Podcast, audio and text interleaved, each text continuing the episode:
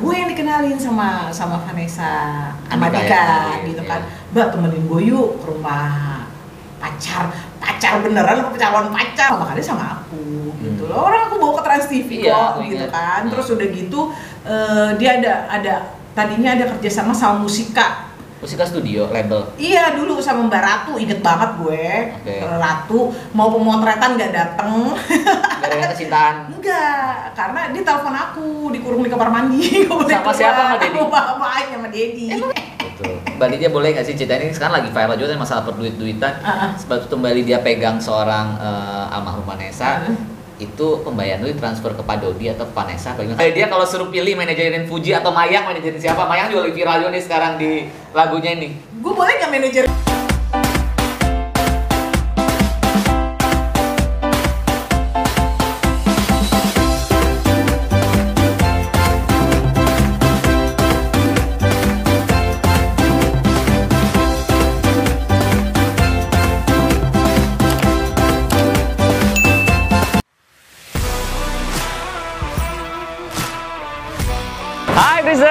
Hari ini gue seneng banget karena gue baru aja dapat exclusive package dari Star Ambassador Scarlett Whitening Twice Edition. Ini yang Brightly Ever After Limited Edition. Isi package-nya ada 5 dan ini sumpah keren banget.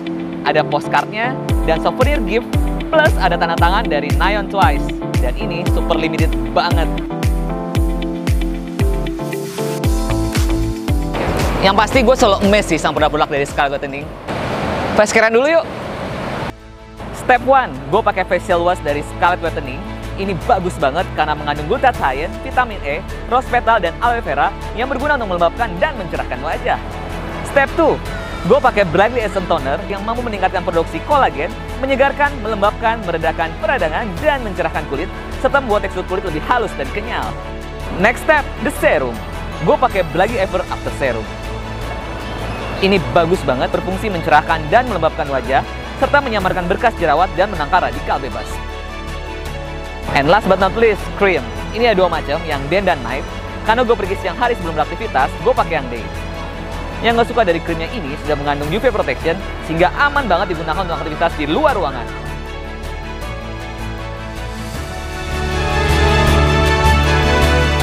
Abis tes sekarang, sekarang gue di studio podcast. Gue ada janjian dengan manajernya Almarhum Vanessa Angel dan juga artis-artis besar lainnya yang udah puluhan tahun di dunia entertainment. Tapi berhubung beliau belum datang, gue mau reaction dulu TVC dari Scarlett X Twice.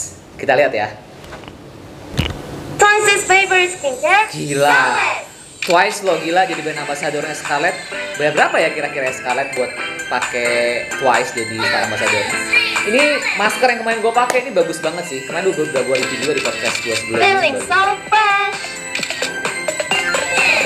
Gila, gue sebangga itu sih produk lokal dipakai sama artis internasional, artis Korea, kelas Twice. Ternyata Twice pakai produknya Bradley Series ya, sama kayak yang gue pakai tadi barusan, yang biasa gue pakai juga sehari-hari. Keren. Rupanya ini ya rahasia kulit glowingnya artis Korea, kayak gue juga pakai Scarlett. Wah ini ada Felicia Angelista yang punya Scarlett, iklanin juga dia. Keren. Let's rise together. With Wow. Scarlet Power. Ini sih seriusan. Scarlet. Ini keren banget. Keren. Gila Scarlett. Best. Song Joong Ki udah jadi star ambassador Scarlett. Sekarang Twice. Next kejutan apa lagi yang akan dikasih sama Scarlett Whitening? Gue penasaran banget deh. Buat kalian jangan lupa sekalian bisa pesan Scarlett X Twice ini terbatas banget limited edition banget. Sekarang juga di official Scarlett Whitening karena terbatas. Gue nanti pesen juga buat semua teman-teman semua. Apa pun yang kalian miliki sekarang wajib banget harus kalian pelihara, kalian syukuri, kalian rawat dan harus kalian jaga. Yuk, River Our Beauty with Scarlett. Di podcast di belakang layar kali ini gue kedatangan salah satu manajer artis yang udah berpuluh-puluh tahun menjadi seorang manajer artis di belakang layar banget. Dan dia sahabat gue waktu zaman masih kerja di TV. Nego-nego nih Shay Iya bener banget. Mbak Lydia.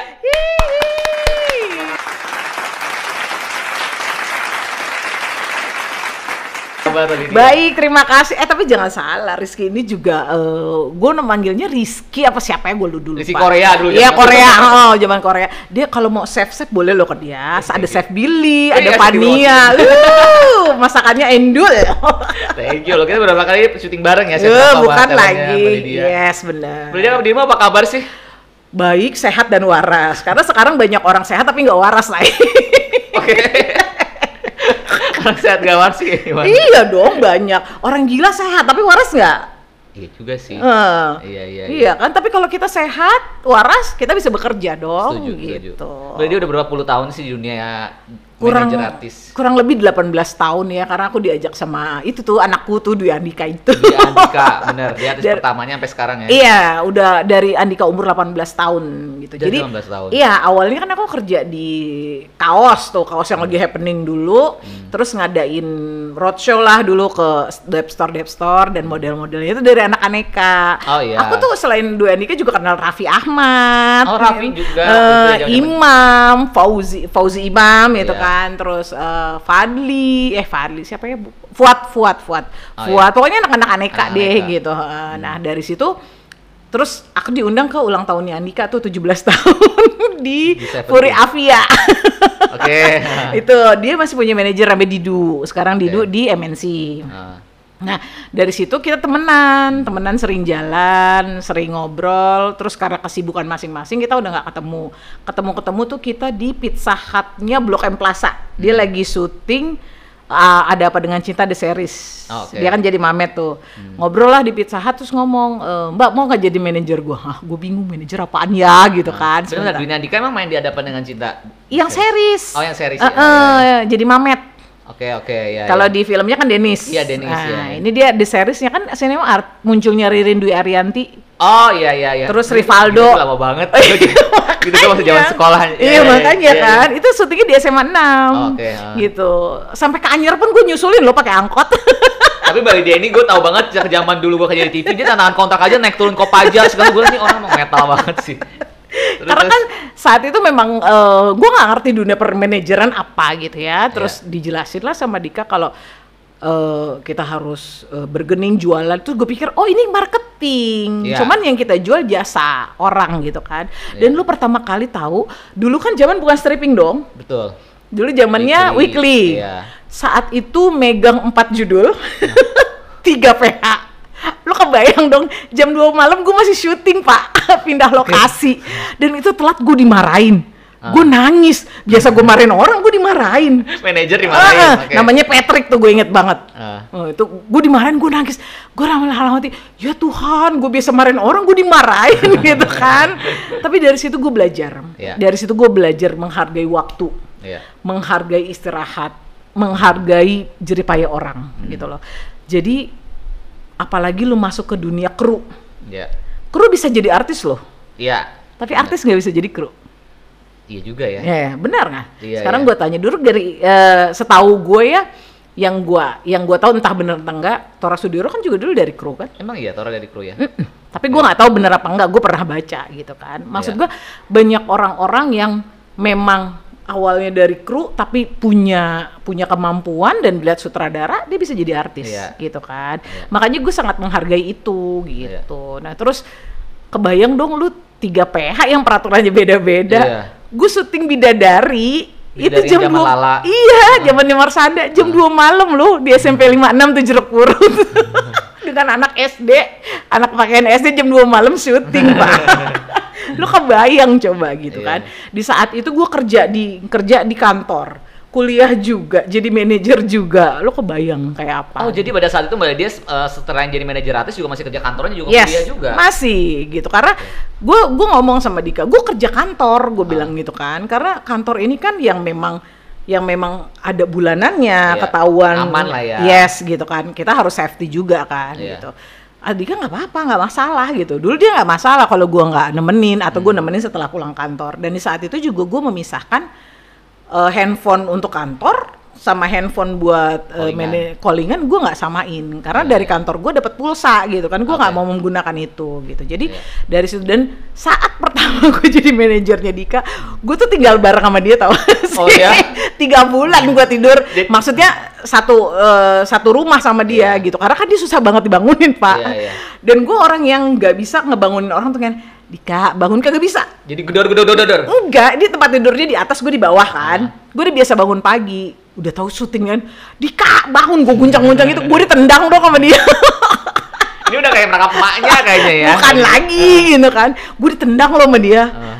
Saat itu anjrit nih orang gue ditendang gue bilang gitu kan. Tapi ternyata dia nggak bisa dibangunin seperti itu Oke. gitu. Jadi perjalanan gue dia panjang banget deh. Suka dukanya sama dia. Tapi Mbak Lydia, eh, sorry, eh, selain Dwi Andika, Mbak Lydia ini yang aku tahu waktu zaman aku masih kerja di Trans TV, banyak sekali mengorbitkan artis-artis yang sekarang besar bisa dibilangnya. Yes. Sebut saja eh, Kartika Putri. Dulu Cika- aku tahu banget Kartika Putri di bawah-bawah masih belum berijab juga waktu Yes, itu kan. bener. Terus Cika Jessica, terus Ricky- Ricky Perdana. paketin paketin. Eh, Iya, Ricky Perdana. Terus juga almarhum Vanessa Angel juga. Yes, gitu kan. Terus siapa lagi Mbak Lydia? ada eh, Ricky Cuaca Oh iya, Ricky dulu Cuaca. nggak lama sih jadi kalau eh, almarhum Vanessa Angel itu belum jadi apa-apa baru Nah, merintis Iya, aku inget banget jadi waktu zaman waktu itu dibawa ke trans manggil aku masih om. Om. Karena Vanessa baru umur 13 atau 14 tahun Iya, gue lupa gitu kan masih kecil banget masih kecil, kan iya. gitu Tapi Mbak Lydia, eh, eh, kalau Mbak Lydia itu kalau mau menje- mau manajerin seorang artis itu apa sih yang dilihat Mbak Lydia? Karena bisa dibilang kan Mbak Lydia eh, bisa membawa artis yang tadinya bisa dibilang belum siapa-siapa. Yes. Tiba-tiba sekarang ya kita bisa tahu kayak almarhum Vanessa, Iya. Kartika Putri, Cika Jessica, followernya banyak, terus juga eh, karya-karyanya juga bagus Hmm. gitu. Gimana sih Mbak Lydia? Se- percaya nggak kalau itu matanya Andika Oh ya? yes jadi gini kalau gue mau ketawa Andika itu orang yang nggak mau disaingin kalau gue pegang banyak artis Oke. gitu kan Itu dulu banyak tapi artisnya. denger dulu dulu gue megang Vicky Nitinegoro Oh, iya, Ilham. Vicky ya sempet mana ya ya ya. jadi Vicky main satu sinetron Ah. mbak bantuin gue Eh, maminya juga ngomong gitu kan kan Vicky susah bangun pagi kan Hmm. udah gue tuh eh, diem-diem manajerin Vicky Hmm. gitu kan gue diem-diem akhirnya ketahuan lah sama Dika Hmm. Dika ngomong gini mbak lu harus pilih gue apa Vicky tapi kalau lu pilih pilih Vicky lu keterlaluan Kecemburuannya lah mulai itu ya. iya, Ya, ya, ya. jadi nggak boleh, dia nggak boleh, nggak boleh. Maksudnya gini, lu fokus di gua gitu loh. Dia pengen memang dari dulu personal manager, Oke. tidak tidak tidak pegang banyak artis. Nah, waktu Vanessa, gue yang dikenalin sama sama Vanessa, sama Andika Dika yang kenalin, gitu kan. iya. Mbak temenin gue yuk ke rumah pacar pacar beneran apa calon pacar gue Hmm. bilang gitu kan ke rumahnya lah di Bendungan Jago Sunter kalau nggak Oke. salah itu gue datang ke situ dikenalin ini Vanessa namanya mbak gitu gue ketemu sama dedinya juga gitu Hmm. Itu waktu itu eh, Vanessa masih umur 13 tahun yes ya? bener itu kita mau nonton di em, Kelapa Gading Oh, Oke. gitu itu baru mulai jalan-jalan sih Hmm. gitu kan baru terus kata si Andika mbak Vanessa bagus loh gitu kan Hmm. mukanya juga muka yang ayu gitu yang eksotik bukan bu- Cantik Indonesia ya. Yes bener, Iya. cantik kan relatif ya. Terus Iya. dia juga bisa main gitar gitu, bisa nyanyi suaranya bagus gitu. Ayo mbak tolongin gitu kan. Ya udah, aku ngomong sama Eca, ya mbak tolongin aku gitu. Nah dari situ jalan lah. Ada satu kejadian lucu, kita mau nonton, baru nyampe Kelapa Gading, baru mau beli tiket. Dedinya nelpon, Dika balik ke rumah ada wartawan. Gue ngamuk, sengamuk aku. Heh, bilangin tuh ya sama dedinya ya, belum nonton, belum apa, disuruh balik lagi gara-gara wartawan. Pengen banget tenar, gue sampai ngomong gitu loh gue. Dedinya Vanessa. Iya, gue Ya. ngomong gitu sama sama sama Dika gitu Iya. kan. Bilangin tuh sama dedinya Vanessa, gue Ah. bilang gitu. Jadi hubungan gue sama dedinya Vanessa juga bukan dikata baik-baik aja gitu loh. Maksudnya kita punya hubungannya sekadar hubungan kerja, tapi ada ada ada satu yang gue kemarin ngomong sama dedinya Vanessa. Dedi, gue kan sempat nggak respect sama lu, gue bilang gitu. Gue cerita lah kejadian kayak tadi gue cerita gitu. Dia ketawa, "Ah, tapi sejauh itu hubungan gue baik sama dia. Nah terus kalau Kartika Putri, aku ketemu di lokasi syuting gitu kan. Ah. Kartika sama Ricky Perdana. Iya. Terus eh apa namanya? Ya udah deh, aku bantuin tapi eh, jangan di jangan diteken ya karena aku ada prioritas Andika gitu Hmm. kan. Nah, satu waktu aku diundang ke TVR ini sama Mas Dery Empat Sekawan. Hmm. Kebetulan Mas Dery Empat ada acara di sana. Mas Dery Empat Sekawan itu masih saudara sama suamiku Oh, oke. dari Mbak Yayang istrinya gitu Iya. kan. Nah semua artisku udah diundang. Kartika apa ya yang mau aku munculin gitu kan? Dia kan tinggi, cantik gitu kan. Oh iya, karena suamiku dari Tegal, aku ngomong Emang suami balik dia dari Tegal? iya, Oh, sama suami kayak mamaku juga orang Oh, Tegal. iya. Oh, oke. jadi di- jadi mikirnya ingat nggak Cici Tegal? tahu tahu. Nah, aku tuh berpikiran kayak kie, kayak kayak kono gitu kan. Nah, terus aku ngomong, "Neng, pakai ini." nggak bisa, Mbak. nggak usah. Lu eh, kamu tuh nggak usah yang eh, bener-bener tegal tapi yang kayak kie, Hmm. kue gitu. Dan aku sempat sedih ya waktu dia ngomong eh, ini yang dari pembantu aku tuh kok sempat sedih gitu Oh, loh. jadi sebenarnya aslinya dari justru dari Mbak Lydia Yes. yang bikin logat Tegal sama yes. Putri. Yes, Oke. gitu. Karena ya kamu sebagai manajer pasti memunculkan apa lagi ya yang artis yang beda, iya. Yes. Karena dia cantik, Iya. tinggi gitu Iya. kan.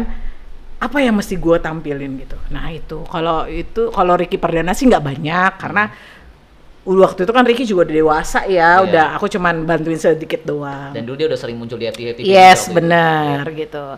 Kalau Cika itu zamannya syuting emang gue pikirin MNC Iya, dulu. iya, iya.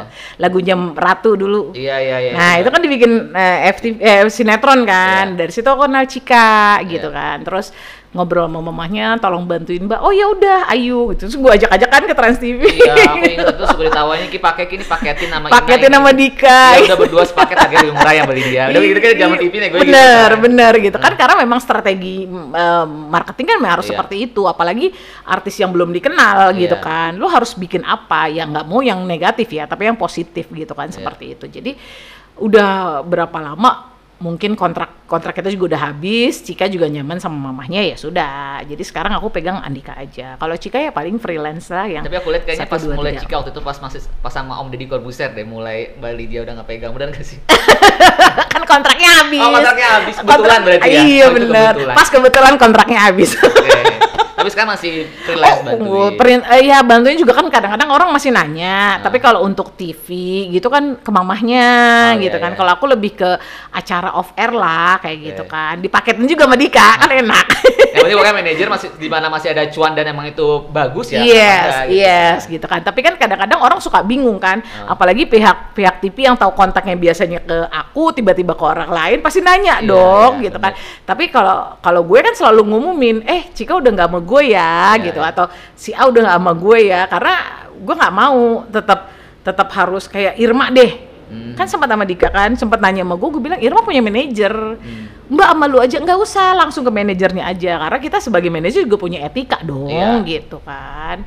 Beda beda kalau dia memang freelance nggak ada nggak ada manajer Iya. gitu. Jadi lebih seperti itu sih ki gue gitu. Mbak Lydia mungkin kita akan flashback sedikit tentang eh, almarhum Vanessa. mungkin ini yang lagi banyak juga orang pada penasaran. Sebenarnya kan banyak kita lihat di berita Hmm. juga kalau seorang Vanessa Angel katanya pertama kali datang ke Jakarta langsung di masuk di Ekomando di Eko Eh, Patrio. Tapi eh. ternyata tadi kalau dengar aku cerita dari Mbak Lydia, Eh. Dika yang kenalin ke eh, Yes, Vanessa benar. Mbak Lydia dan Mbak Lydia. Yang Sebenarnya Benar. gimana sih yang benarnya Mbak Lydia?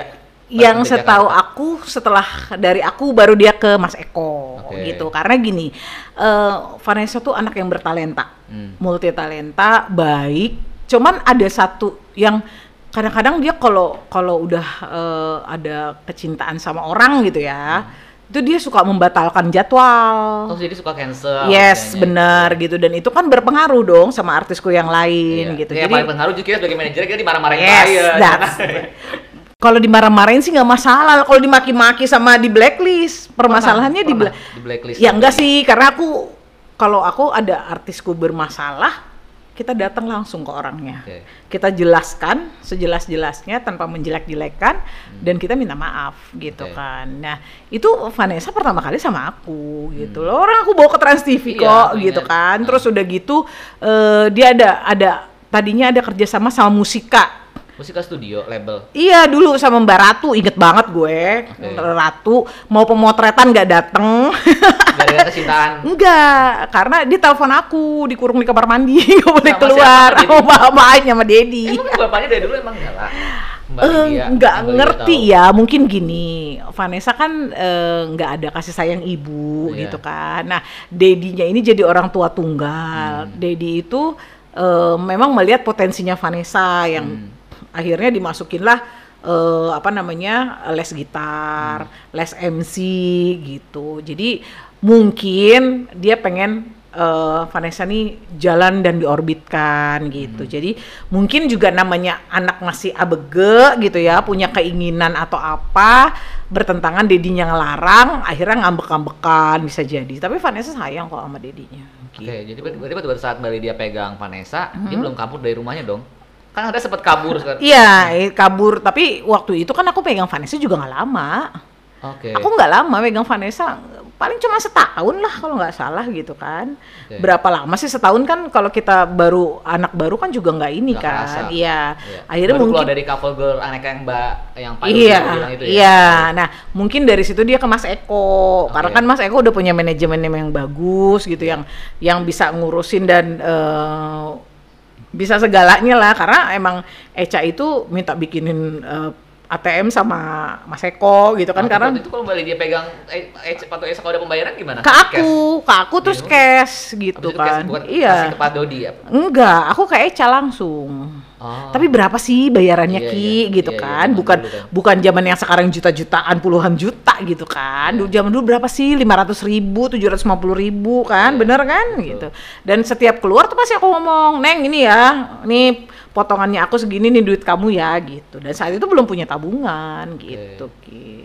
Beda tuh mungkin sama aku nggak lama sih aku manajerin. Nah, ke Mas Eko yang lama Iya. gitu. Di Mas Eko lama terus keluar lah nggak punya manajer telepon aku. Aku kan memang bukan orang yang suka ah nggak mau gue nggak suka sama lu gue marahan. Enggak gitu. Tetap apa kabar neng? Sama Cika juga sampai sekarang gitu. Mamahnya juga sehat gitu selalu nanya. Nah itu mbak bantuin aku dong. Aku nggak nggak ada manajer nih gitu kan. Vanessa telepon. iya teleponan whatsappan gitu kan Kalau boleh tahu sorry, waktu itu lepas dari Mas Eko kenapa ya? Nggak tahu sih aku. Kata kata Mas Eko ya gitu sering ngebatalin juga. Kalau- lagi kecintaan atau lagi apa Ah, gitu ya itulah dia Iya. gitu loh. Anaknya tuh baik baik banget sebenarnya. Itu kayak begitu gitu loh. Tapi jadi mungkin karena kalau lagi kan sama anak masih umur segitu kan yes benar. iya. kalau aku menempatkan sama Vanessa itu aku menempatkan menjadi ibu sama dia. Dia bercerita apa pun ya silakan Hmm. gitu kan. Nah sama aku nggak lama kasus deh. Ya Oh sudah iya, lah itu balik lagi sama dirimu kan. waktu itu yang kan. aduh pusing ya shy gitu kan. Tapi ya sudahlah itu itu satu satu pelajaran dan satu perjalanan hidup gue sama Vanessa yang nggak bisa hilang sampai kapan pun gitu. Hmm. dan gue merasakan ikut sedih dan ikut merasakan terpuruknya dia waktu gue nengokin dia di Surabaya Pada apakah gue ngomong sama wartawan gue ke Surabaya no Iya. gue datang sendiri dan nunggu itu mau ketemu dia lama banget Naik apa Bali dia waktu itu? Aku naik pesawat sampai Surabaya. Oh. Kebetulan ada adik iparku di Surabaya, dijemput sama dia. Gitu, Dia jemput, dianterin, ditemenin gitu. Aku datang datang hari ini besok udah pulang. Oh. Terus terakhir aku nengokin sama Dika. Oh iya, Desember iya. terakhir itu nengokin kita tektok pulang pergi gitu kan. Nah, di saat itu bener-bener bener-bener aku ngelihat yang sisi Eca itu yang bener-bener terpuruk banget gitu Hmm. kan karena nggak ada siapa pun yang aware yang menolong gitu ya. Kalau aku memang karena itu artis aku dan aku kenal udah lama dan aku merasakan aduh kasihan gitu. Terus ya udah aku menempatkan diri gitu. Gitu. Dedinya pada saat itu katanya dedinya sempat datang. Ah, itu aku nggak tahu. Karena gue juga kagak nonton berita, Ki. Iya, iya, gue baru mau nonton berita sama laki gue suruh matiin. Eh, gibah. gitu. Nonton berita pada saat kejadian itu kali ya. Apa, Mau- emang emang nggak suka nonton berita? Emang gak nonton, oke. gak nonton gitu. Kadang-kadang orang yang nanya aja, Mbak lo kenal ini nggak? Enggak. Tapi kalau artis lama gue kenal. Ih sekarang berapa banyak sih Ki artis Iya, baru? Orang, gue norak bener. Orang ngomongin ikatan cinta gue kagak ngerti bener. Iya, Sumpah, iya. lu ngerti nggak? Enggak, ya aku jujur aku sih juga nggak nonton sih. Iya. Aku tahu emang viral viral kan. Iya, Nah, kalau viral iya tahu. Aku ikatan cinta itu share-nya ratingnya keren banget di atas bola gitu. Hmm. Iya. Tapi siapanya dan jalan cerita gimana gue nggak tahu. Aku- Ya mungkin karena kita kan orang-orang manajer artis sama di belakang layar emang kita udah Iya. capek ngurusin kerjaan kita sendiri. Iya, emang- bener. Jujur aku tuh kerja di TV aja aku jujur aku ini bagusnya gini gini gini. Aku Ah, sejujurnya mana ya? Nonton. Ah, aku kan cuma sibuk ngurusin kontrak, artis sibuk undang bintang tamu ini cancel ini ini ini, itu gitu Eh, kan. eh, sama sibuk dimaki-maki belum bayar ya. Ah, nggak boleh lagi pembayaran. Jadi kayak udah kepikiran. gitu. Halo Mbak Mima. Inilah kita suka duka di belakang layar. Tapi gue nggak pernah cerewet loh. Enggak, Dari dia. siapa pun gue nggak pernah Iya, nggak cerewet. Ini balik dia satu manajer saya nggak pernah nagih honornya. Karena mungkin dia udah kebanyakan duit ya. Oh, juga. amin. Bukan gitu. Gue diajarin Dika, lagi-lagi Dika. Hmm. Dika tuh ngomong, Mbak, lu itu manajer perantara Oke. antara yang mau memakai artis lu. Hmm. Yang mau pakai artis lu bukan bukan perseorangan yang duitnya nggak ada. Oke. Ini lu perusahaan loh, gitu kan. Kayak Hmm. dulu kan Antv sempet di sempet lama tuh pembayaran Iya, kan. Iya. gue nggak nagih gitu kan si Andika ngomong berapa sih honor gue dibandingin dengan kekayaannya mereka gitu Hmm. maksudnya aset-asetnya gitu Hmm. tapi kan gue juga harus nagih iya lu boleh nagih boleh ntar lu tanya aja setelah empat bulan lu tanya aja gitu. Hmm. jadi bukan harus yang lagi marah-marah gitu enggak katanya Hmm. iya sih gue nggak pernah marah-marah juga gue bilang gitu kan cuman kan di perjanjian kan berapa puluh hari gitu kan setelah setelah tanda tangan tapi Iya. kenyataannya kan udah lu nggak usah cerewet nah itu lagi-lagi Dika Oke. Dika lah seperti itu yang mengajarkan gue karena kalau gue sebenarnya berprinsip apa yang tertuang di kontrak lo harus lakuin Iya. tapi kalau Dika bilang jangan seperti itu lu jangan terlalu saklek gitu Iya. Dika tuh ngomong gitu gue tuh orangnya saklek lu Iya, iya. Banyak belajar dari dari seorang Oh, dia bukan. walaupun umur lebih muda tapi banyak Yes, belajar juga karena dia ya. pengalaman Iya. gitu loh Ki dulu dulu tuh dia sering dimintain duit tahu Sama siapa? Ya kalau misalnya lagi syuting ada yang minta pulsa lah dia kasih iya. karena nggak enakan. Iya, iya. Pas gue jadi manajer gue yang pegang kagak ada yang berani. Dengan mukanya udah takut ya. Mungkin lebih ke tegas kali bagi Yes, dia. jadi lebih tegas. Karena gue mikir gini, Dika jadi artis itu tidak selamanya. Dia sendiri ngomong, Mbak, artis nggak selamanya, tapi manajer selamanya loh. Selama Betul. lu punya link, lu punya kreativitas, lu akan tetap dicari orang. Iya, Bener kan? setuju, setuju. Karena artis-artis baru kan bermunculan lagi-lagi Dika ngomong seperti itu kan. Hmm. Jadi gue dengar omongan itu gue jadi ngomong, Dika kan nggak selamanya lu jadi artis. Jadi lu harus bisa memisahkan uang lu Hmm. buat investasi, buat mana, buat mana. Gue bilang gitu kan. Iya. Dan gue keselnya sama dia ya, 18 tahun gue manajerin dia setiap tahun baru kagak pernah mau kerja. Oh, jadi justru padahal kita manajer mah malam tahun baru jawab gede-gedenya. Eh, eh, terus gue bilang, ah ini lu ada ini, lu aja soalnya yang MC. Sekali kalinya di tahun baru, dia sama Cika sama gue itu kapal pelni Oke. dari Jakarta ke Surabaya. Hmm. Kita naik kapal pelni, itu ada peresmian apalah gue lupa. Itu doang. Selebihnya kagak mau. Walaupun dapat nominalnya berkali-kali lipat ya. lu aja sono gitu. Kan sebel gue. Manajer padahal kita butuh cuannya di saat Nah, itu bukan kan. lagi. Mungkin boleh diceritain nggak sih Mbak Lia pada saat tahu kejadian pada saat eh, almarhum Vanessa yang tiba-tiba eh, Ah. kecelakaan itu mungkin kan aku juga ada di grup Imarindo ada Mbak Lydia juga Mm-mm. itu kita pada nanyain kan Yes. "Tante bener nggak dirimu tante udah tahu gimana Iya. sih Mbak Lydia waktu itu tahu Jadi aku tahu itu dari Ricky Perdana. oh Ricky Ricky iya. Perdana telepon, Mbak Vanessa meninggal sama suaminya. Lu jangan macem-macem lu Ki. Ah. Kan kakaknya Iki polisi di Jawa Timur, Polda Jawa Timur Ah. gitu. Shock lah gue. Itu hari Kamis loh. iya Hari Kamis 10 menit setelah kejadian di Morindo juga rame kan? iya Gitu kan. jadi kita di grup ada Imarindo Ikatan Manajer Artis Eh, Indonesia belum Ketuanya Nanda Persada. Ada Persada. Gitu. Terus abis itu gue shock, gue telepon Dika. Ah. gue diomelin sama dia lu jangan bercanda lu mbak. Ini ini ini. Beneran gue bilang. Gue tahu dari kiper dana gitu. Lu jangan ngomong-ngomong yang lain. Enggak gue nggak berani. Abis itu gue telepon Cika. Udah gue itu aja yang gue kasih tahu. Gue nggak berani ngomong nggak berani apa. Pas nggak lama Imarindo ribut kan. Iya, maksudnya ini bener kejadiannya segala macam pas klarifikasi klarifikasi bener ya iya udah gitu. Sedih banget lo gue tapi pas di pas eh, Vanessa mau berangkat ke Surabaya dirimu tahu? Oh enggak, aku sama Vanessa tuh udah jarang, udah jarang ini, udah jarang komunikasi. Karena kan aku lihat di Instagramnya dia sibuk gitu kan, ma ada gitu ada galak kan, aku Iya. cuman ih seneng deh, lagi bahagia gitu kan, apa yang diimpikan dulu tercapai, pengen punya keluarga kecil yang bahagia, itu, Iya. itu udah udah satu satu kado banget yang aku seneng lah pokoknya ngelihat ngelihat dia bahagia, ngelihat dia lepas tersenyum kayak gitu itu sih kalau aku makanya pas eh, dengar gitu bener-bener shock besoknya baru kita bisa datang ke rumah duka sama Dika juga berdua gitu Iya iya. Kita sih ngeliat kejadiannya emang tragis banget ya kita juga. eh, maksudnya kita juga pada kaget semua. Kita ada di, di Iya. grup juga kaget. Teman-teman Iya. artis semua pada saat itu Iya. benar-benar trending di mana-mana. Iya. Karena kejadiannya bener-bener orang sehari sebelum masih ada acara di MS Glow atau apa waktu itu kan? Iya, itu katanya mau pergi ke MS Glow juga, juragan. Surabaya? Iya, katanya sih, cuman aku nggak tahu bener apa enggak. Karena kan memang Vanessa udah nggak aku pegang kan, Ya. gitu. Berarti pada saat itu yang pegang Mbak, Mbak Joana. Nah ini ganti lagi dari dari di oh berarti habis lepas dari Dimo langsung Mbak Joana ya? waktu itu? Iya, jadi gini, ya itu balik lagi waktu itu dia diundang ke insert apa rumpi ya, gue bilang rumpi kalau nggak salah apa insert ya. Heeh. Itu Abis keluar dari Ya udah lama, itu kan. udah keluar dari Mandaeng, Iya. udah itu udah oke paginya ngebatalin dong. Ah. Gue ngomong lah sama anak-anak, ngomel. Ya udah hari ini gue ke Trans TV loh, gue ketemu Mbak Ceha, gue minta-minta maaf sama Mbak Ceha. Baca itu adalah Mbak Christine. Iya, ada di Trans TV mungkin teman-teman yang nggak tahu. Iya karena gini, walaupun kesalahan artis gue tetap harus minta maaf. Iya, Karena di belakang gue masih ada artis lain. iya benar. Gue nggak mau gara-gara satu orang kena semuanya, gue nggak mau. Iya. Gue mau si A si A aja. Jangan bawa-bawa ke B gitu loh. Iya. Jadi aku lebih seperti itu. Nah itu semenjak itu sampai aku telepon, lu gila ya, Se- serius demi Allah gue marah. Lu gila ya, lu naruh tai di muka gue. Gue udah nggak mau manajerin lu lagi. Hapus nama gue di Instagram lu. Aku ngomong begitu. Vanessa. Iya, Iya. saking aku udah keselnya gitu loh. Maksudnya, kok lu kayak gini ya gitu loh. Gue mau ngebantuin lu biar bangkit, biar lu punya duit, lu bisa menata kehidupan gitu.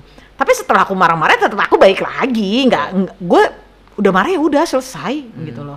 Tetap baik lagi tuh, neng lagi apa? Walaupun udah sama Mbak Joan atau sama siapa pun, gue nggak pernah nggak pernah mau Masalah. balik lagi sama gue enggak. Iya. Tetap neng gitu pas waktu dia nikah aja mbak aku mau nikah. Iya alhamdulillah semoga langgeng apa segala macam gitu. Karena waktu itu aku umroh dia mau ulang tahun. Hmm. mbak tulisin di kertas fotoin aku dong depan Ka'bah gitu. iya. jadi tulisin selamat ulang tahun semoga langgeng dan segala Iya. macam. Itu ada aku foto depan Ka'bah aku kirim ke dia gitu. Di- karena diundang nggak karena diundang ngebatalinnya pagi padahal tayangnya siang. Karena gua kan tahu pasti itu kan kerepotan cari Iya, bintang tamu benar. pengganti. Karena aku Iya. gue tuh kalau gue tuh mikirnya sampai ke situ tau nggak gitu kan jadi gue mikir aduh nih pasti belum kreatnya be- beda lagi kan. Itu banyak orang yang terlibat di situ pastinya. Dan itu gue marah gitu loh. Jadi gue bukan orang yang diem aja enggak gue marah. Tapi setelah marah ya udah gue baik lagi. Tapi akhirnya setelah Vanessa eh, di almarhum Vanessa di manajer dengan Joanna, Bali dia oke aja saat itu. Oh iya, kalau kalau kan udah aku udah nggak mau. Gue bilang lu nggak usah nggak gue nggak udah nggak mau manajerin lu lagi gitu gitu Iya. kan nah, terus dia ke Joan ke Mbak Joana juga aku Hmm. tahu gitu tapi nggak apa-apa sampai aku telepon Mbak Joana tuh malam-malam aku bilang semoga ya dengan Mbak Joana ke sama Mbak Joana eh, Eca berubah gitu tidak Hmm. cancel cancel lagi gitu itu aku ngobrol sama Mbak Joana Oke. Nggak pernah lah biasa kan artis pindah-pindah ya Iya, gitu benar, Eh, kita mah santai aja penting pokoknya kalau dia bisa jadi lebih baik. Karena kan begini, Yes. kalau artis itu bisa jadi eh, apa rezekinya bisa jadi di si A, si B, si C. Yes. Tapi setidaknya kita sebagai manajer artis yang pernah jadi manajer dia, kita menjadi tangan yang membawa dia ke sukses. Kita Yes, happy. yes, Bener benar kan? gitu. Karena bagi gue rezeki nggak hanya uang, Iya. Ya kan? Teman yang baik, Yes, yang baik. rese, nah, apa kesehatan juga kita Kesehatan, rezeki iya. kan. Makanya eh, Mas Nanda, Mas Nanda tuh kan pernah pernah posting apa gitu kan? Hmm. Eh, ah, oh, itu kan artis banyak duit dibawa lari manajer Oh, tuh. iya, iya, iya, eh. iya, iya. Apakah ada yang membahas manajer nggak dibayar sama artis gitu? Padahal ada ya. Gue tanya aja, ada nggak? Oh, ada. Berarti dia pernah ngerasain itu. Enggak. Jadi gini, gue sama Dika sama Cika dan yang lainnya eh, sebetulnya yang lebih lama Andika sama Cika kan. Cika ada enam tahunan gitu kan. Nggak pernah gitu loh, nggak pernah. Mungkin kalau terlambat dari TV, gue nalangin dulu Oke. gitu kan. Eh, kayak Dika mau bangun rumah, Mbak, duit belum keluar nih, pakai duit dulu dulu deh gitu kan. Atau Cika, Mbak mau ini ya, itu. Tapi kalau kita punya uang juga yes, ya. karena memang terbuka banget Hmm. gitu kan. Nah, kalau aku nggak pernah dibayar nggak pernah sih, alhamdulillah gitu loh. Jadi mau kecil mau gede ya sudah lah, tapi nggak pernah nggak dibayar. Hmm. Ada Alhamdulillah. juga ya. Yes, dan gue juga dan gue juga bukan orang yang bawa duit lari artis saya. Mbak Lydia boleh nggak sih cerita ini sekarang lagi viral juga kan masalah perduit-duitan. Heeh. Sebab itu Lydia pegang seorang eh, almarhum Vanessa. Heeh. Itu pembayaran itu transfer ke Pak Dodi atau ke Vanessa? Bagaimana? Karena kan sekarang ada pemberitaannya katanya Pak Dodi matre katanya dia dulu. Kalau setahu aku waktu yang selesai dia waktu dia kena kasus Mandaeng Hmm. itu langsung ke Vanessa aku. Karena aku Oke. pegang kan aku tahu rekeningnya berapa gitu kan. Dan boleh cek di TV mana pun aku selalu kasih rekeningnya Vanessa. Oh, jadi nanti dari Maresa yang Baru manajemen video Yes, benar gitu. Jadi gini, dulu semua ke aku. Hmm. Itu jadi pusing kan. Iya. Ditambah gue dulu nggak ngerti pajak. Ternyata pas diuber-uber pajak, Iya, lah iya. gue yang kena gitu kan. Akhirnya beralih semua ke rekeningnya artis. Jadi Hmm. kayak Andika, tapi aku tahu klik BCA-nya Oh, pegang. hanya untuk memantau. Iya. Ini udah keluar loh A, ini udah keluar loh A. Ntar gue perhitungin nih Hmm. tanggal sekian keluarnya, tanggal sekian keluarnya dan persenan gue. Tolong transfer ke rekening gue ya. A. Vanessa pun begitu. Neng dari ini. Jadi aku transfer berapa Mbak? Eca tuh selalu begitu. Hmm. Gue transfer berapa ya Mbak? Ya Allah Neng hitung aja, hitungin Mbak. Kalau gue mau curang bisa kan? Iya. Coba nggak gue hitungin, ini Neng transfer ke sini ya gitu. Hmm. Dan lu tau sendiri, artis kan bukan langsung main transfer kayak kita. Iya, bisa lama. Ya, eh, itu suka gue cerewetin. eh, gue juga butuh duit gila. ya walaupun cuman selang sehari dua hari ya Iya, gitu iya. kan. Tapi lu namanya emak-emak perlu belanja ya say. Iya, bener. Iya, iya. Tapi- Gitu. Jadi berarti kalau menurut Mbak, Mbak Lydia, Mm. kalau sedang pemberitaan seka- sekarang ini katanya Pak Dodi Matre atau apa segala macam, menurut Pak Lydia gimana? Seorang Kalau- Pak Dodi, bab dedinya Vanessa. Kalau dibilang matre semua orang matre loh.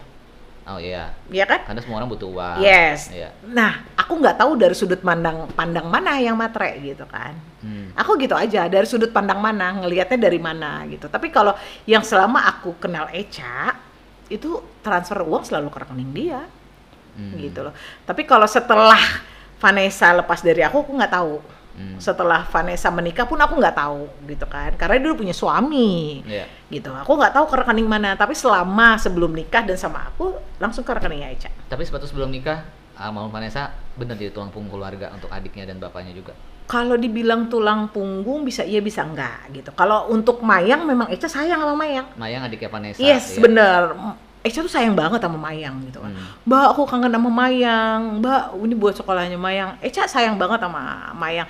Dan sebenarnya Eca juga sayang sama Dedi gitu kan. Tapi Hmm. untuk masalah peruang-uangan ngasih Dedi apa enggak, aku nggak tahu. Karena bagiku ini udah ada batasan loh. Oh iya, gitu itu kan. pribadi keluarganya. Yes, gitu. iya. Urusan percintaan, urusan keluarga, aku selesai. Nggak mau ikutan Hmm. kecuali kalau misalnya dicurhat mau gimana ya ya kalau menurut aku gini neng tapi kalau mau nurutin ya monggo enggak ya sudah gitu kan Hmm. karena enggak enggak aku memang membatasi diri nggak boleh Hmm. gitu loh karena nggak semua yang kita sarankan juga bener Iya. gitu Karena kan. dia yang lebih tahu tentang masalah Yes, pribadinya. gitu. Tapi menurut Mbak Lydia sesayang apa Mbak Li- Vane- uh, almarhum Vanessa dengan adiknya Mayang pada saat itu? sayang banget Pernah beliin apa atau apa? dia ngirim uang selalu ngirim uang kok buat Mayang. Kalau beli beliin aku nggak tahu ya tapi kalau kalau ngirim uang selalu ngirim uang kok buat uang sekolahnya Mayang. Aku pengen Mayang sekolah tinggi itu ngomong sama aku gitu. Hmm. gitu loh. Tapi kalau untuk Dedi ya ke orang tua aku nggak tahu. Jadi cuma cerita gitu aku pengen Mayang sekolah tinggi mbak gitu kan. Oh iya bagus lah padahal Eca juga bercita-cita dia pengen sekolah pengen kejar paket C Oke. buat ijazah SMA dia pengen pengen kuliah hukum. Hmm, semenjak dia itu yes kan. benar jadi gua nggak buta hukum banget gitu Katanya sempet uh, kalau kita flashback sempat kena tipu Mbak Lydia kan sempat kena Iya, tipu jadi- polisi gadungan. aduh emang gue juga PA sih? banget ya gue goblok banget emang Waktu pas zaman Vanessa Iya, pertama kali itu ada yang ngaku lah polisi gitu Nelpon loh. Iya, dia. nelpon Ah, ke terus? aku. Terus gimana ya, Neng? Ada bibi juga, ada almarhum juga itu. Ah. Ya udah bayar aja Mbak, dua setengah juta gitu dua kan. setengah. Dua setengah juta. ah. Terus Minjemlah duitnya.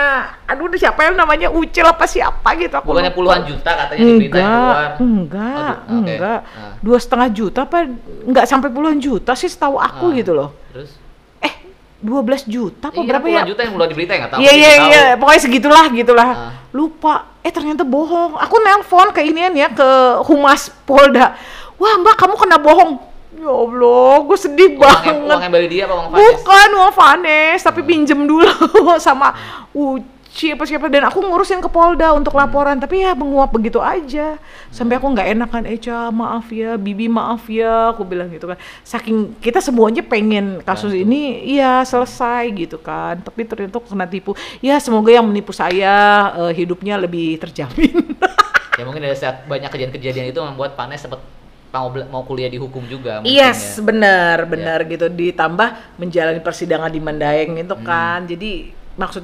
mbak gue mau kuliah hukum. Aku ngomong juga sama bang Ano gitu.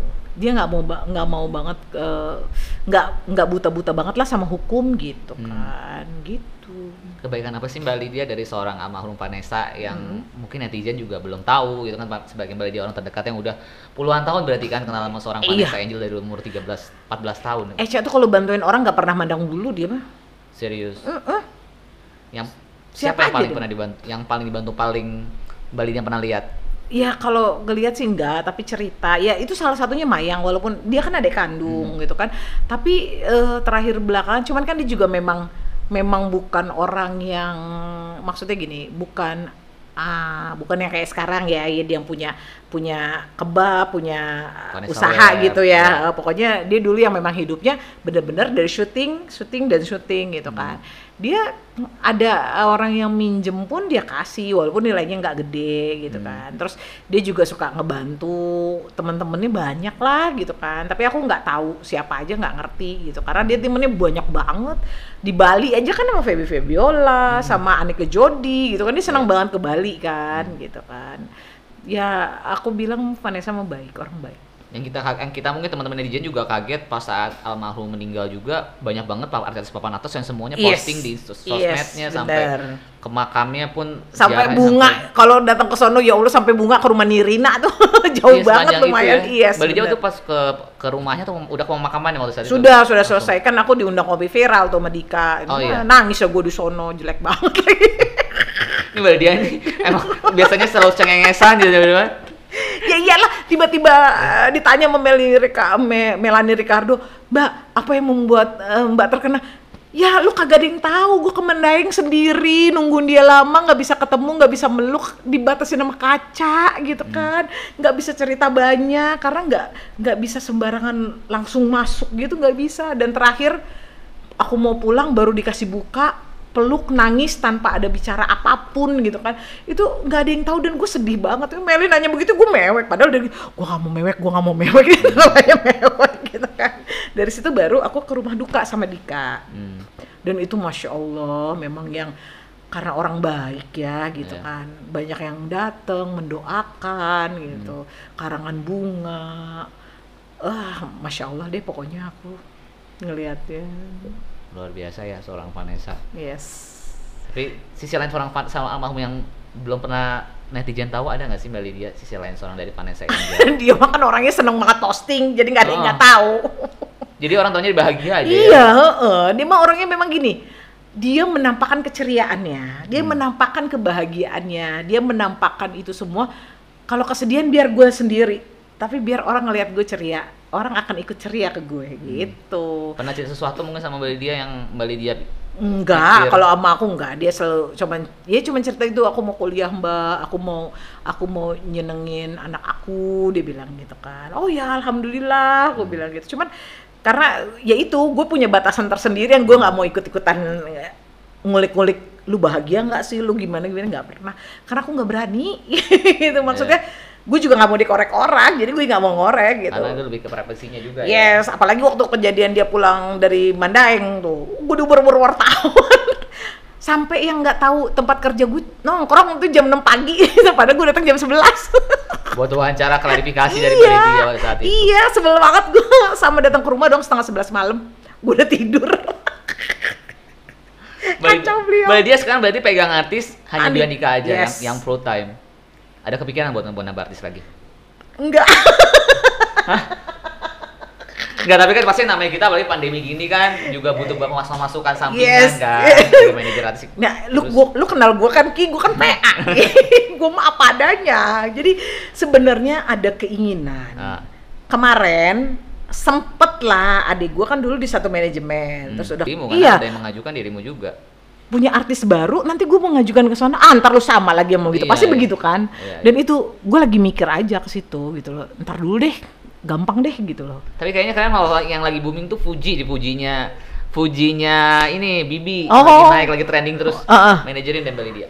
lu mau nggak gue sih mau kalau Fuji mau dipegang sama gue. nah Fuji itu manajemen mau lo Enggak, tapi bener Fuji sekarang lagi trending terus aku lihat di, di YouTube. Eh. Fans fansnya Fuji coba menurut kalian Fujinya le- bakal jadi ne- next artis atau gimana atau gimana kasih komen di Eh, bawah. Ki, kan lu udah pengalaman dari TV udah lama ya. Hmm. Yang instan itu gimana ya? Ya, tapi balik lagi kalau misalnya kita bisa ngebimbingnya, Lu bisa. sekarang mau se gimana pun dibimbing kalau memang tidak ada bakat gimana Ki? Nah sekarang gue tanya deh, dari dia kalau suruh pilih manajerin Fuji atau Mayang, manajerin siapa? Mayang juga lagi viral juga nih sekarang di lagunya ini. Gue boleh nggak manajerin Bang Ano? Bang Anu siapa? Bang Milano aja deh. Milano lu, bis pengacaranya. iya, gue manajerin dia aja. Suaranya bagus loh. Nggak sekalian dedinya Vanessa Dodi Sudrajat. Pak Dodi Sudrajat. Jadi nggak menjual ah Bang Ano aja. Ya ini gue salah kan nanya mau beli dia. Sumpah. kan gue bilang Ki, gue belum mau nambah artis. Oke. Tapi kalau misalnya ini tiba ini benar-benar Nah itu kalau misalnya pun gue manajerin Bang Ano. ngambil aman. Karena gini, gue secara secara eh, kenal tidak Oke. dengan Fuji ataupun Mayang. Karena Mayang gue hanya kenal kenal segitu doang. Dengan gitu ceritanya Vanessa doang. Iya kali cuman. Mayang apa kabar selesai. Gue kenal dulu kecil. Hmm. Sampai sekarang gue ketemu kemarin waktu eh, gue takziah ke sana gitu. Hmm. Gue nggak tahu lagi nggak kenal Mayang karena gue nggak tidak mengenal apakah bakatnya ada Hmm. ataukah ada sesuatu yang unik gitu kan. Tapi kan dulu ceritanya dia suka nyanyi di kafe Pemalang itu bener nggak kata dia? Nah, gue kan kagak tahu. Gue kagak di Malang, orang gue di Jakarta. Oh iya sih. Ya, terus terus. gitu. Jadi kalaupun untuk memanajeri juga kita harus ngeliat dulu dong Ki, Iya. gitu kan. Punya punya bakat nggak Hmm. gitu. Karena semua orang sekarang bisa jadi artis. Iya. Ada dia media TikTok, banyak. Instagram yes, ya. Instagram, YouTube, segala macem gitu Iya. kan. Nah, menurut lu gimana? Lu sekarang kalau gue balik pertanyaan ke lu, Kalau- mendingan Fuji apa Mayang? Kalau gue puji. Nah, kan lu punya pilihan gitu Iya. kan. Kalau gue memang nggak punya pilihan karena gue tidak melihat itu. Iya, iya, gitu. Karena memang sesuatu yang instan kalau kita nggak kalau kita nggak combine atau kita inian kita create lagi nggak akan bisa gitu loh. Iya, setuju butuh kreativitas. ya. Yes, tapi gue juga nggak pengen pembohongan publik gitu. Iya, iya, iya. Jadi ya gue mendingan di tengah. Pak Milano Rubis aja yang Iya. Bang. Ano aja. Oke. Karena Bang Ano suaranya bagus loh. Kamu dia bisa nyanyi juga. Pak, orang Batak, Pak. Oh iya iya. Kan Milan Lubis. Oh iya iya iya. Orang Batak emang jago-jago nyanyi. bener. Ih, makanya Batak, Ambon, Mbak Lydia titik terendah Mbak Lydia selama puluhan tak 18 tahun 18 menjadi seorang tahun. manajer artis apa sih Lydia? titik terendah tuh waktu Dika rambutnya gimbal.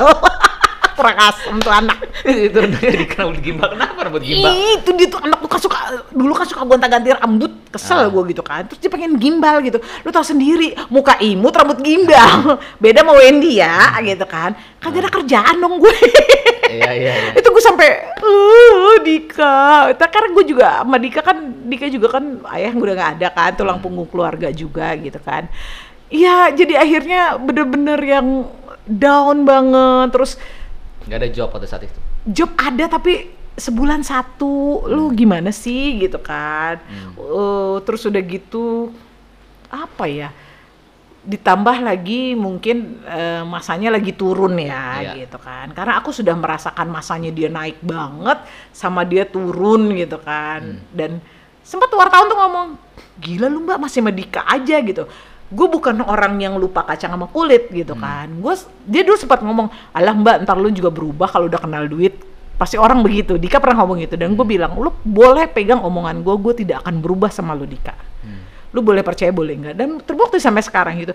Nggak mungkin di saat dia lagi naik yang kita bisa tahu nerima uang berapa gitu kan sampai yang dia terima cuman puluhan ribu gitu kan masa gue mau tinggalin? Enggak lah gue nggak seperti itu itu. Dan dari Dika lah gue bisa pertama kali naik pesawat Sebelumnya lu pernah naik pesawat. Nah, gue dari kantor selalu naik bis kurang asem tuh kantor gitu kan terus gue pertama kali naik pesawat itu ke Semarang gue nggak ngerti Iya. pakai seatbelt segala macem terus dari Dika lah gue bisa keluar negeri hmm.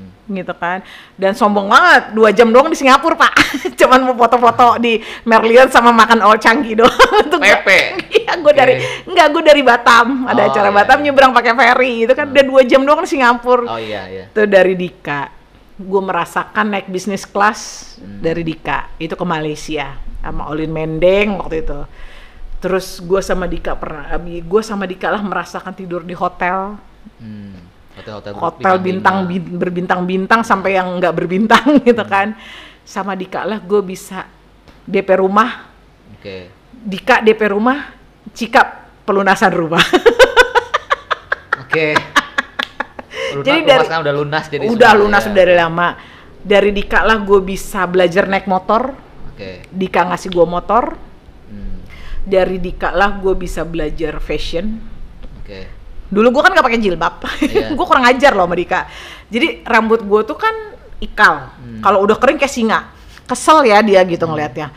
Gue pernah diponiin kayak Dora. sama Dika. Oke. Terus gue nggak ngomong gue mau pakai jilbab. Hmm. Gue kesel mbak sama rambut lu. Ayo ke salon. Salon lah headquarters tuh di Plaza Semanggi. Hmm, tahu. Bayaran lumayan mahal. Hmm. Besoknya gue pakai jilbab.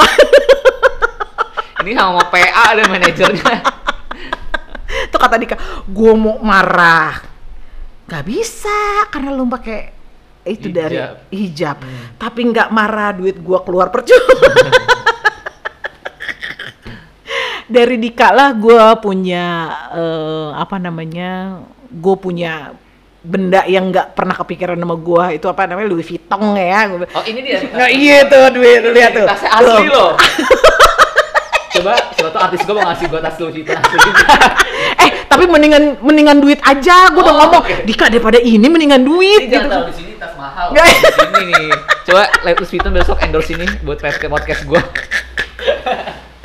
terus ada nggak sih lu manajer eh, ngitung THR sendiri itu gue Jika tas beli gue THR ini. iya ini tahun ini eh, kemarin lebaran kemarin Berapa THR ya kalau di atas 10 juta lah editor gue langsung mau tuh.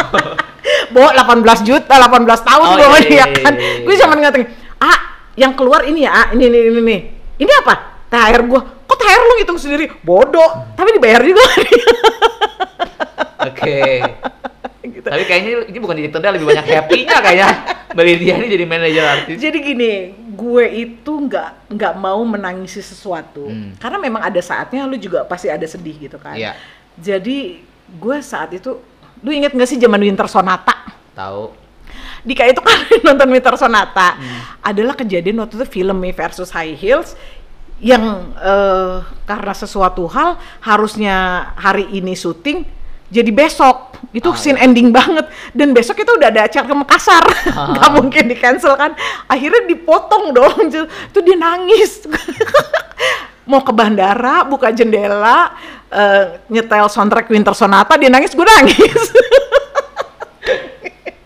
kan kesel nggak ada di ending dan itu Eh. scene bagus banget gitu tapi mau gimana itu Koko Nayato Dengan pekerjaan juga yes ya, makanya nggak mungkin kan gua ngebatalin sementara Iya. tiket udah ada segala macam Iya. gitu dan dari Dika lah gue merasakan yang namanya eh, mau besoknya mau planet remaja saat itu keadaan banjir di Kalimantan. Dan kita naik mobilnya mobil apa tuh? Eh, mobil nganterin koran di atas koran demi bisa ke bandara gitu jadi jadi Banyak. memang bener-bener iya banyak banget peristiwa yang eh, bener-bener nggak bisa gue lupa ya gitu Hmm. dari semua dari Dika lah tapi nggak menutup nggak menutup juga aku juga pernah sama Cika gitu kan karena yang terlama memang Dika sama Cika gitu Hmm. kan dan waktu itu sama Ricky pun ada satu kesan Ricky Perdana kita syuting Trans TV Hmm. itu di Padang tapi Pulau Cubada itu Hmm. gua nggak tahu padahal Pulau Cubada itu bagus banget lu kebayang Coca-Cola kecil 6 dolar yang kalau yang ngelola itu orang Itali Hmm. dan yang masuk nggak lebih dari enam orang gitu Oke. itu jadi maksudnya dari masing-masing artis gue punya pengalaman yang Iya. banget banget gitu Dari kan dari Amal Vanessa juga pas saat ditangkap dia baru pegang tiba-tiba kali ditangkap. iya gue baru pegang tiba-tiba bibi telepon mbak Vanessa ketangkep gue lagi di mall apa orang ngeliatin oh iya iya maaf gue lagi di mall lo tau sendiri kan gue suaranya gede Ah. gitu kan itu terus gue nengokin ke sana yang susah banget untuk ketemu. Pas ketemu pun di balik kaca gitu kan nggak bisa ngomong apa-apa. Tapi akhirnya boleh keluar hanya sepersekian detik gue hanya pelukan nangis gitu kan. Dan gue terakhir juga gue nengokin sama Dika hari ini. Nengokin gue Pepe tuh pagi dateng langsung pulang lagi gitu karena Dika mesti pergi kan. Nah itu itu yang memang banyak kenangan-kenangan ya Dika ya Cika ya Vanessa gitu kan. Dan mereka itu sama kalau keluar kalau keluar keluar tuh sama gue tuh udah kayak ibu sendiri. gitu. Kebayang dong sama Dika di Semarang, gue dikasih hotel Citraland. Hmm. kamar dua. Tengah malam, gue diketok kamar gue. Tok, tok, tok, tok, tok, tok, tok. Dika kamar lu sebelah nggak mau gue tidur sini aja. Udah kayak mama anak ya. Bukan lagi, Cika juga begitu. Makan Indomie, Mbak lu duluan, ntar gue kuahnya. Ini luar biasa nih Iya. Mali sama artisnya. Dia kayak begitu gitu maksudnya memang kekeluargaan kita. Jadi aku nggak sama Dika nggak hanya sama Dika, Hmm. Sama keluarga papahnya, sama keluarga mamahnya, Deket. sama mamanya sampai sekarang dekat. Cika pun sama mama Cika, Hmm. kakaknya, adiknya, ponakannya gitu kan. Hmm. Vanessa aku dekat sama Dedi gitu kan. Walaupun nggak nggak seintens ya karena Dedi juga kan tinggalnya waktu itu nggak di sini di Pemalang gitu kan. Eh sorry ini pernah tentang Dedi dari Vanessa sebenarnya ke- kerjaan kerjaan Dedinya Vanessa itu apa kemarin banyak yang nanya di aku juga tolong tanya kembali dia kerjaan itu apa sih sebenarnya Apa- Eh, aku sih nggak tahu, tapi eh, dia ada apa pengadaan barang gitu deh kalau nggak salah punya kerjaan kok ada Oke. ada gitu. Dia kan tinggalnya di Pramuka Oke. kantornya di Rawamangun kalau nggak salah. Jual beli mobil juga katanya ya? Nah itu aku nggak tahu mungkin ya gitu kan. Kalau yang aku tahu sih pengadaan barang. Pengadaan barang. Ah, ah. jadi nggak bukan dari Vanessa aja dong mas enggak kan waktu waktu sebelum sebelum Vanessa nikah kan Vanessa cuma ngasih ke buat Mayang doang Oh, sama oke. Dedi enggak. Nah, dari mana dong kalau Dedi nggak Iya. kerja gitu kan ada anaknya yang sama tante Pupu, Oh, iya. Aisyah gitu. pesan terakhir nih pesan dari Mbak Lydia buat keluarganya almarhum Vanessa dan almarhum Bibi karena sekarang tuh banyak banget berita ada orang TikTok ngasih pesan ngasih pesan mending gue tanya langsung sama orang yang kenal lama deh mending langsung sama Mbak Lydia Pala kakak Kiki. Yang Makanan ya. makanan Enggak, enggak, enggak. Kalau aku sih sebenarnya nggak berpesan apa-apa. Cuman aku pengennya antara Pak Faisal sama keluarga Pak Faisal ya, keluarganya almarhum Bibi dengan do, Dedi, almarhum Vanessa itu akur gitu kan. Karena aku tahu masing-masing masing-masing punya argumen tapi satu tujuan itu untuk galak ya gitu kan. Jadi lebih baik bertemu, berdamai, dibahas maunya apa, bagaimana karena untuk masa depannya Gala gitu loh. Setuju. Jadi janganlah ribut-ribut kayak gitu kasihan. Iya. Eca sama Bibi belum 40 hari loh Iya. gitu kan. Jadi biar mereka tenang di alam sana Iya. gitu kan. Sementara dua keluarga ini sama-sama baik, pengen ngurus Gala gitu Hmm. kan. Jadi lebih baik bertemu tanpa ada kamera dan segala macem, omonglah secara kekeluargaan bagaimana ke depannya untuk Gala. Kalau aku sih lebih seperti itu sih. Jadi jangan jangan ada jangan ada rame-rame lah, iya. lebih setuju bikin rumah untuk Gala atau museum untuk Vanessa sekarang kan ada yang viral juga tuh bapaknya Pak Dodi minta mau bikin museum untuk Vanessa ada yang mau bikin rumah untuk Gala dari timnya Pak Dodi Jadi gini, kalau aku bilang sih rumah untuk Gala iya, Hmm. tapi bukan saat sekarang gitu loh. karena masih kecil Karena Gala dua tahun pun belum, Hmm. Gitu kan. Nanti kalau misalnya nih Gala dibeli, sekarang dibeliin rumah, udah ada rumahnya, yang nempatin siapa? Nanti kalau nempatin dari kubunya ini, yang ini ngiri. Singgung. Ntar kubungan ini akhirnya ketersinggungan. Iya. Tapi kalau dibuatkan, karena kalau yang aku dengar sudah dibuatkan rekening kan, Iya. mungkin rekening itu diendapkan setelah Gala cukup umur dibelikanlah rumah mungkin seperti Iya, itu lebih itu lebih ya. yes Iya. gitu jadi rekening itu nggak bisa diambil semua pihak gitu Iya. kan ada di depan notaris gitu kan Hmm. dan memang ini untuk Gala nanti setelah Gala cukup umur dan duitnya memang terkumpul buat beli rumah belikanlah rumah gitu. Jadi dan itu Gala bisa menempatkan sendiri gitu. Kalau aku sih tapi Iya. ya nggak tahu. Gitu. Buat teman-teman subscriber gua boleh kasih komen di bawah kalian lebih setuju mana. Dan kalau menurut kalian menurut aku sih juga masuk akal juga sih. Yes gitu Iya. loh. Mbak Lydia makasih banyak. Makasih loh udah diundang ke waktunya Entertainment. luar biasa maksudnya. Em, akhirnya bisa ngobrol lagi sama Mbak Lydia teman Iya. lama juga. Ini pertama kali lo gue podcast. Iya ini makasih loh. Dulu belum pernah dari mana-mana kan belum. di Mas. Nanda mau ngundang nggak Mas Nanda? Anda tanya bercanda Mbak Lydia ini ada bantal pensil nanti bisa mampir di podcast kita. Ih banyak. cakep buat temen waktunya. tidur gue ini. Iya betul. tadi pesawat sama Dika mau ke mana-mana oh pasti. Kebetulan gue tanggal 4 mau ke Turki. Ai. Oke udah liburan lagi Pak gratis Pak bawa orang saya 15 Iya, orang ini juga punya tour travel Tuh, juga enggak, enggak punya, aku kerja. Iya. Terus udah nggak kerja, tapi aku punya sertifikasi PTL kan, tour leader Oke. gitu. jadi boleh dong kalau gua ke mana-mana ke luar negeri minta tour leader Boleh mau bikin visa, Oh. mau pesawat, tiket. siap harga lebih terjangkau ya Oh iya, tergantung lu mau bintang berapa. Oh, siap. buat teman-teman semua, jangan lupa kalian buat subscribe, like, komen juga di bawah. Kira-kira besok mau toko di belakang layar siapa lagi yang mau mau dengar ceritanya, buat Yes. kita ngajak ngobrol bareng. Dan juga mau kasih tahu nih semua konten podcast di belakang kita ini tayang di semua penerbangan Batik Air, Lion Air, dan eh, 7 digital platform. Wih. Jadi Gila harus lu. subscribe. Keren lo, bener. Gua kenal Rizky kenal. Mbak Dia, thank you ya. Sama-sama. Salam, salam buat Dika sama teman-teman semua. Siap. Salam juga buat artis-artismu dan sukses. Amin. Pokoknya sehat buat kita semua. Amin. Thank you semuanya. Bye.